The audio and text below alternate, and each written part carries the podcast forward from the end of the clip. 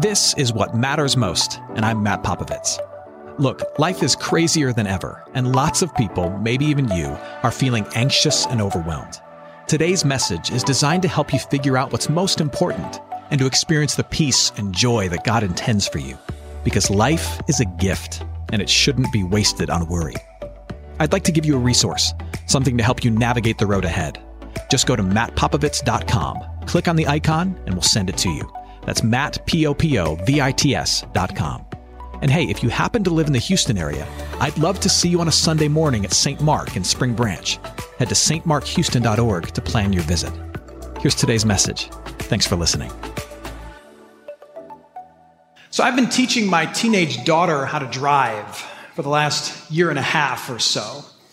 If you've never had the, the fun of doing that, teaching a teenager how to drive, let me just tell you that there is nothing that will get you closer to the Lord than teaching a teenager how to drive. Like, I'm a, I'm a professional Christian, right? Like, this is what I do for a living. I've been to seminary. I've studied the scriptures. I have learned more about what it means to trust the Lord with all your heart, soul, mind, and strength in the last year and a half of trying to teach my daughter how to drive than anything else I've ever experienced. You will know what it's like to live a life of faith when you find yourself in the passenger seat on I 10 with a 15 year old behind the wheel whose biggest concern is how do we get to Starbucks? when you teach someone how to drive, what, what, what, hits you is that there's so much to teach. I mean, you have to teach them how to merge onto the expressway, how to, how to maintain speed, how to parallel park, how to go through a drive through. But one of the biggest things you have to teach them is all the warning signs to be on the lookout for. Uh, all the, all the signs of impending trouble that your eyes need to be open to at all times. And there's dozens and dozens, if not hundreds, of different signs to be looking for. Of course, there's all the signs and signals on your dashboard. You have to know what those mean. And then there's road signs that tell you that some trouble might be up ahead. But you also have to be able to like listen to the car. You have to be able to listen to yourself, like how am I feeling? Am I paying attention? And then you also have to pay attention to like all the subtle and not so subtle movements of all these other weirdos on the road who are trying to kill you. Like there are a lot of things to try and pay attention to. And it hit me really quickly as I was teaching my daughter how to drive. Like one of the keys to being a successful driver is just knowing as many of the warning signs as possible so you can spot them and you can say to yourself, there might be trouble coming and you can adjust accordingly. Today, we're starting a new series that is highly informed by my experience over the last year and a half. this series is called Warning Signs. And, and, what we're doing is taking some of that simple logic of how you navigate the road and applying it to our own lives, specifically our lives of faith. Because what the scriptures tell us over and over again is that it's really easy to like crash and burn as human beings. Like it is, it is really easy for us to all of a sudden have our faith life be a mess, or our most important relationships be strained, or our finances be in turmoil, or our health and our own personal well being be absolute in disarray. It's easy for us to have our lives kind of explode and go off the rails. And, and what the scriptures tell us is that there are warning signs we can look at along the way. Like God is so gracious and so desirous of us to not like drive our lives into a ditch that he gives us warning signs, especially those people of faith who are part of his family. He gives us things that we can see that can tell us that trouble is coming so that we might live the kind of life that is as faithful and joyful as possible. And that's really the goal.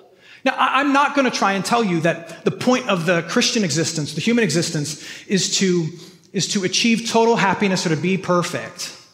No, trouble's going to happen. Trouble is going to happen on the road of life. It's just inevitable. But insofar as it depends on us, our task as followers of Jesus is to try and live as faithful of an existence despite the troubles and as joyful of an existence despite all the issues as we can. And that's what this is about. What are the warning signs, the signs of trouble, so that I might be as faithful as possible? And insofar as it depends on me, I can avoid some self imposed disaster. And so, what we're going to look at over the next several weeks are a handful of warning signs that, not ones that I'm making up, but, but really that really come from the scriptures. We're going to spend some time in Ephesians chapter 5 and look at some of the signs that God, in his, in his kindness, gives to us. And the first warning sign is this, and this might sound like painfully obvious to you, but you would be surprised how many people overlook this. The first warning sign is not something on the dashboard, it's not something outside of the car, it's within yourself. The first warning sign is you, you falling asleep at the wheel. You've had one of those drives, right? Like it's been way too long and it's way too dark. There's no lights on this country road and you feel yourself nodding off, and you think, I gotta roll down a window, I gotta find a Buc-ee's, get a cup of coffee, I gotta crank up the music, I gotta call somebody, because if I don't, I'm gonna fall asleep. Well, the same thing happens just in our actual everyday lives. We fall asleep at the wheel. We fall asleep. That's what Paul's talking about, essentially, in Ephesians chapter 5 when he quotes this ancient hymn and some words from Isaiah when he says this Awake, O sleeper, and arise from the dead, and Christ will shine on you. He, he's, he's trying to help the early Christians in the city of Ephesus understand that there was a kind of willing darkness you could choose to walk in.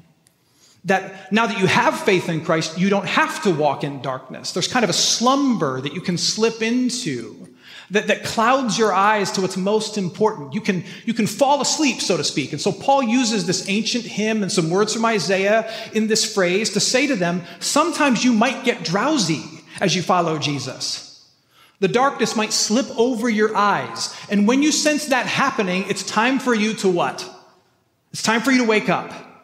You have to rouse yourself to wakefulness because bad things can happen when you get too drowsy.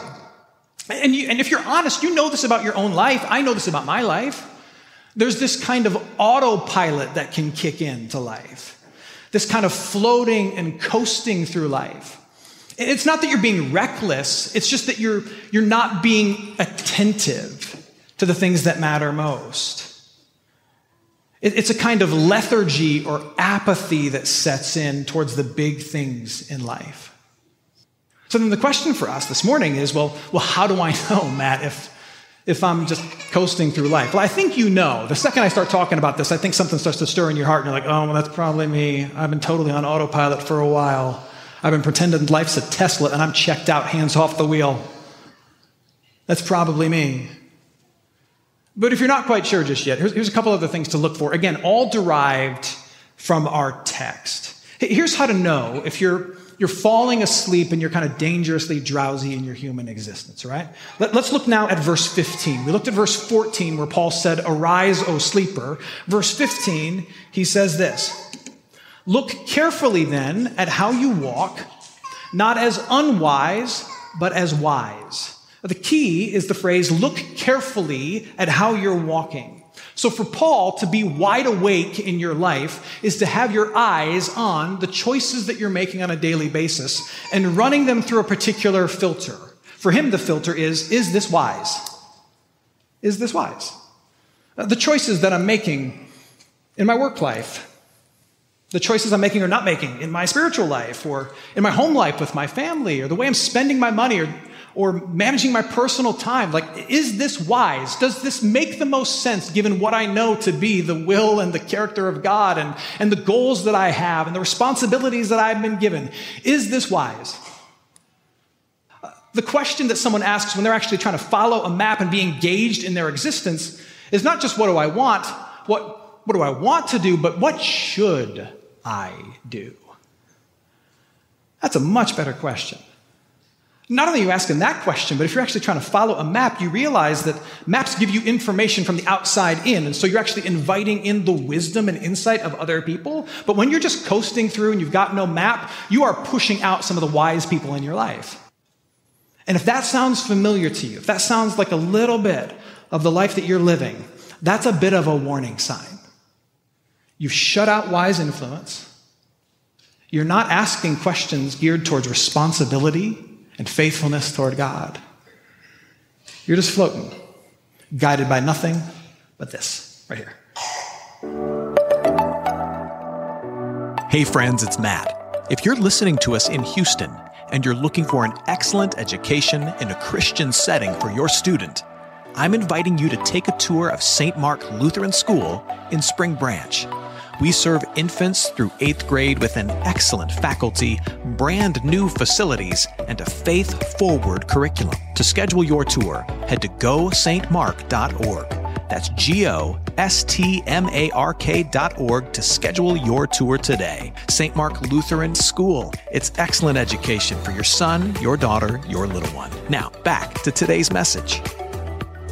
The second way you can know if you're just kind of floating and maybe getting dangerously drowsy is that there is no urgency in your life. There's no urgency in your life. Here's what I mean by this. Again, let's look at Paul's text. We're going to move to verse 15 and 16 now. Paul says, Look carefully then how you walk, not as unwise, but as wise. Here's verse 16 making the best use of time because the days are evil. So, Lisa and I, we, we, like to go on long road trips with our family. Like, we don't mind 10, 15 hours in the car as a family. We, we just don't. Uh, we, we like to go places, get in the car, and Lisa really likes it because it's, it's quality time that we just don't ever get with each other. Like we're in a confined space for a prolonged period of time. There's an opportunity for us to, you know, listen to a podcast together, have a conversation that we haven't had, and make some memories together. That's why Lisa likes it. I like it because it's an opportunity for me to set a new land speed record. because my love language is efficiency. And so it's an opportunity for me to be the fastest person who's ever driven to Dallas, hands down. And so, like when, when, I, when, we get in the car, we're going on a long road trip. Like I'll be, I'll be about making it the shortest, you know, break at Buc-ee's it can possibly be. We need to keep going, press forward. Let's get there. Let's beat everybody else's record. And Lisa will look at me and be like, "Sweetheart, like we are not in a rush." And I'll be like, uh, "I got a burst. The days are short and they are evil. Buckle in. Let's go." Boom. Bible. I win. Paul's making a point here that he makes over and over again in the New Testament.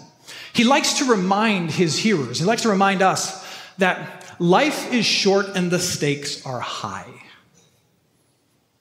Life is short and the stakes are high. And, and he reminds us of that, not to like put pressure on us. Life is short and the stakes are high, so that we live with this kind of panicked urgency. But, but he reminds us of this so that we might live with a sense of purposeful urgency. You don't know when your time is up. You don't know how much time you get here. Uh, not, not to be a downer, but, last week I got word about a, a former parishioner of mine, a young girl, 25 years old. She passed away in her sleep last week. You don't know when your time is up. And, and even if you do get to live to like a ripe old age, when I talk to those who've been able to, to ripen, and I ask them about what it's like to have lived to be 96. What they say to me without fail is, it goes by so fast. Yeah. So, what Paul is saying is, it goes by really, really fast. Also, the stakes are really high. What he, what he says is, the days are evil. And what he means by that is, uh, there are all these forces of distraction in this world some of them spiritual forces that, that want you to live a life of very little consequence.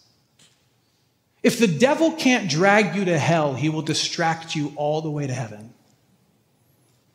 So that you make as little of an impact in this world as you possibly can. That's what Paul's saying when he says, Look, the days are evil. If you just let the darkness fall in front of your eyes, you're going to live without a sense of gratitude for how good you've got it just to have breath in your lungs and to be alive because it goes by quick. And also, you're going to fill your days with a whole bunch of stuff that in the end, you're going to go, that probably didn't matter very much. The days are evil. It's going to be, it's going to be fighting for your attention. And so, those who are drifting through life, not only do they not have a map, they're not thinking reflectively at all about their life, but there's no sense of urgency. There's no gratitude for the fact that this goes by quick and it's such a gift, and there's no prioritization of their tasks based on this sense that I'm here for a purpose and I need to focus on the things that matter most. They just don't do it. And if that sounds like the life that you're living, no gratitude, no prioritization, that's a warning sign. You might be just drifting. Third thing that we get from the text is that if you're drifting, there's no sense of destination. Like if you're drowsy and falling asleep and you can't answer the question, hey, where are you going? That's a problem. As I was teaching Ava to drive, like we would get into the car, I'd get in the passenger seat, she'd get in the front seat, and almost every time we, we, we got in the car, I would ask her a question So, where are we going? You're driving, you need to know where are we going. Now, I always knew where we were going. She only went places that I told her to go. But my point was like, I need you to be engaged in the process. Like, you are not passive when you're behind the wheel. You have to know where we are going, so where we're going. Now, the answer was always easy. She's only allowed to drive to three places. Even now, she has her license. She's a great driver. She's only allowed to go to church, to school, and to Chick fil A. That's it.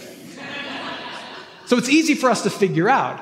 But the point is, you have to know where you're going. And that's what Paul says in the text, verse 17. He says this Therefore, do not be foolish, but understand what the will of the Lord is. Don't be foolish. Understand as you walk, engaged in your life, looking at all the potential warning signs, understand what the will of the Lord is. The will of the Lord is our destination. The will of the Lord is our aim. The will of the Lord is our goal in life if you're here as a follower of Jesus. Now you might be thinking, well, Matt, that doesn't, I mean, that kind of makes sense, but like, what exactly is the will of the Lord? Well, you have to understand that phrase in light of the rest of Paul's writings, like the first part of chapter 5, uh, the first chapter of Ephesians, and the whole New Testament. When Paul talks about the will of the Lord, what he's talking about is this for you to know and love and grow into Jesus Christ. That's the will of the Lord. For people of faith, the, the destination of life is not a place, it's a person. It's not a place, it's a person. Now, you might be thinking, well, yeah, but what about like eternity? What about heaven? That's a place. Yes, you're exactly right. But that's not our job. The Father's job is to secure our place in eternity and get us there when Jesus comes back and he raises everybody from the dead. Like, you can't do that. God's going to do that, not your job. Our job is not to worry about a destination, our job is to focus on a person. That's our destination. To know him and to love him and to grow into Him and to have His love flow through us. That's the goal. That's what we're supposed to be driving toward every day. Jesus famously said this Enter by the narrow gate, for the gate is wide and the way is easy that leads to destruction, and those who enter by it are many, for the gate is narrow and the way is hard that leads to life, and those who find it are few. You know, some people wrongly think that Jesus is saying, that we must watch how we walk so that we can get into eternity. That's not what Jesus is saying. What Jesus is saying is that the gate to heaven, to eternity, to God's family, to grace is so impossibly narrow that only one person can get through it. And that one person is Jesus Christ through his life and his death and his resurrection. He's the only one that can get through the narrow gate, who can walk the narrow road. But the good news is that all those who believe in him, who have trust in him, who are baptized into his name, he takes us down the road and through the gate with him. And what this means is that the point and purpose of our life is not how we're walking on the road. Should you try to walk in a way that you're not a jerk? Absolutely. But the point of your existence is not how you walk, it's who's walking for you down the road. Who's walked through the narrow gate for you? Who's climbed on the cross and died for you? Who's risen from your grave for you? Every day is about a focus on Him, growing deeper into what it means to be forgiven growing deeper into what it means to be eternal because of God's grace, growing deeper into knowing what it means to be loved no matter what, and then letting all that stuff like flow through you in the form of forgiveness and generosity and compassion to all these other people. That's what it's about. That's the destination. That's the goal. If you can't answer the question, where am I headed? Or better yet, to whom am I headed? and yet you're a follower of Jesus, that's a warning sign. You might be floating.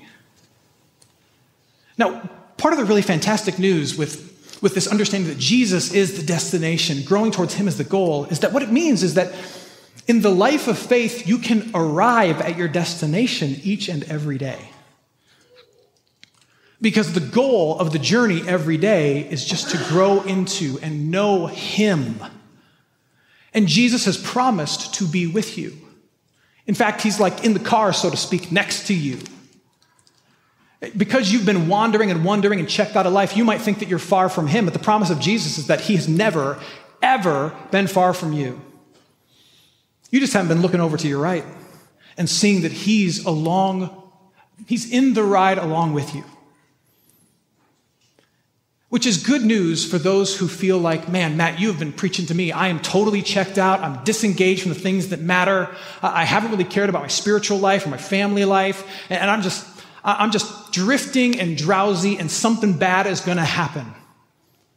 If that's convicting to you, if that's hitting you in a soft and very real place, then the good news is that it doesn't take a whole lot to get on the right road, so to speak. Because the destination is Jesus and He's with you. All you have to do is cry out to Him who you have ignored and say, I've been drifting. I haven't been grateful for the life that I live.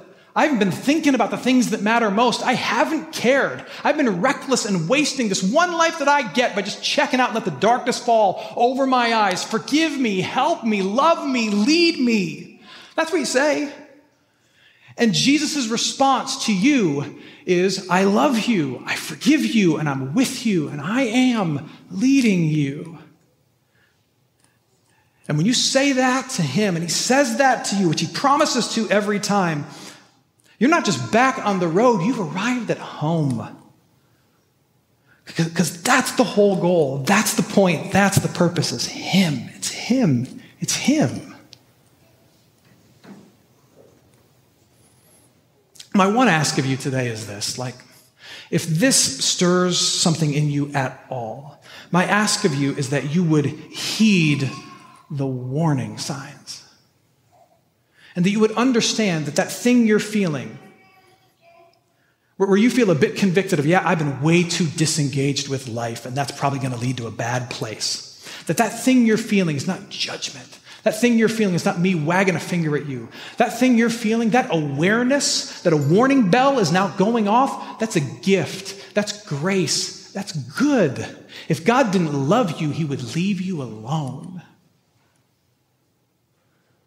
But He loves you so much, He put a little light on the dashboard and He's like, hey, hey, hey, you're drifting. That's what today is. That's what today is. My dad taught me to drive in a 1984 Buick LeSabre. If you remember, like 1980s Buick LeSabres, uh, they're the size of small countries. And, and this car was so big that as you pulled into your destination, the rear end was just leaving my driveway. That's how big this car was. And it was a 1984 Buick LeSabre. I was learning to drive in the late 90s. So it was, an old car. It was an old car. And with, with relative. Um, uh, relatively often there would be a light on the dashboard that would pop up. And I remember one time the check engine light came on. And my immediate response was one of fear, because I'm like 15 years old on a country road in the middle of Michigan driving this tank, and the check engine light comes on, and my dad is with me in the passenger seat, and I immediately think, check engine light, we're gonna die. And, and here's, here's what my dad said to me. He, he said to me, Hey, the lights on the dashboard, they're not bad, they're good. It gives you a chance to figure out what's going on. You can pull the side of the road. You can, you can give me a call. It, it, it's a good thing. It's a gift. It's an opportunity to figure out what might be wrong with the car, some trouble you might have later. It's only a bad thing if when the light comes on, you do what your brothers do and you just keep driving. Heed the gift of a bright light. Heed the gift of a God who loves you enough to say, hey, if you keep doing what you're doing, there's trouble up ahead. And I love you too much to let that happen to you. Let's pray. Hey, it's Matt. I hope you enjoyed what matters most. Here's what I need you to know life is a gift, and it shouldn't be wasted on worry. I want to help you figure out what's most important and to experience the peace and joy that God intends for you. So, for more content, you can head to mattpopovits.com. That's Matt, P O P O V I T S.com. There, you can also support this ministry, as well as access your free resource, a little something to help you navigate the road ahead. I'd also love to see you on a Sunday morning. If you're in the Houston area, head to stmarkhouston.org to plan your visit. In the meantime, hit me up on Instagram at mpopovits or at facebook.com slash mattpopovitsministries.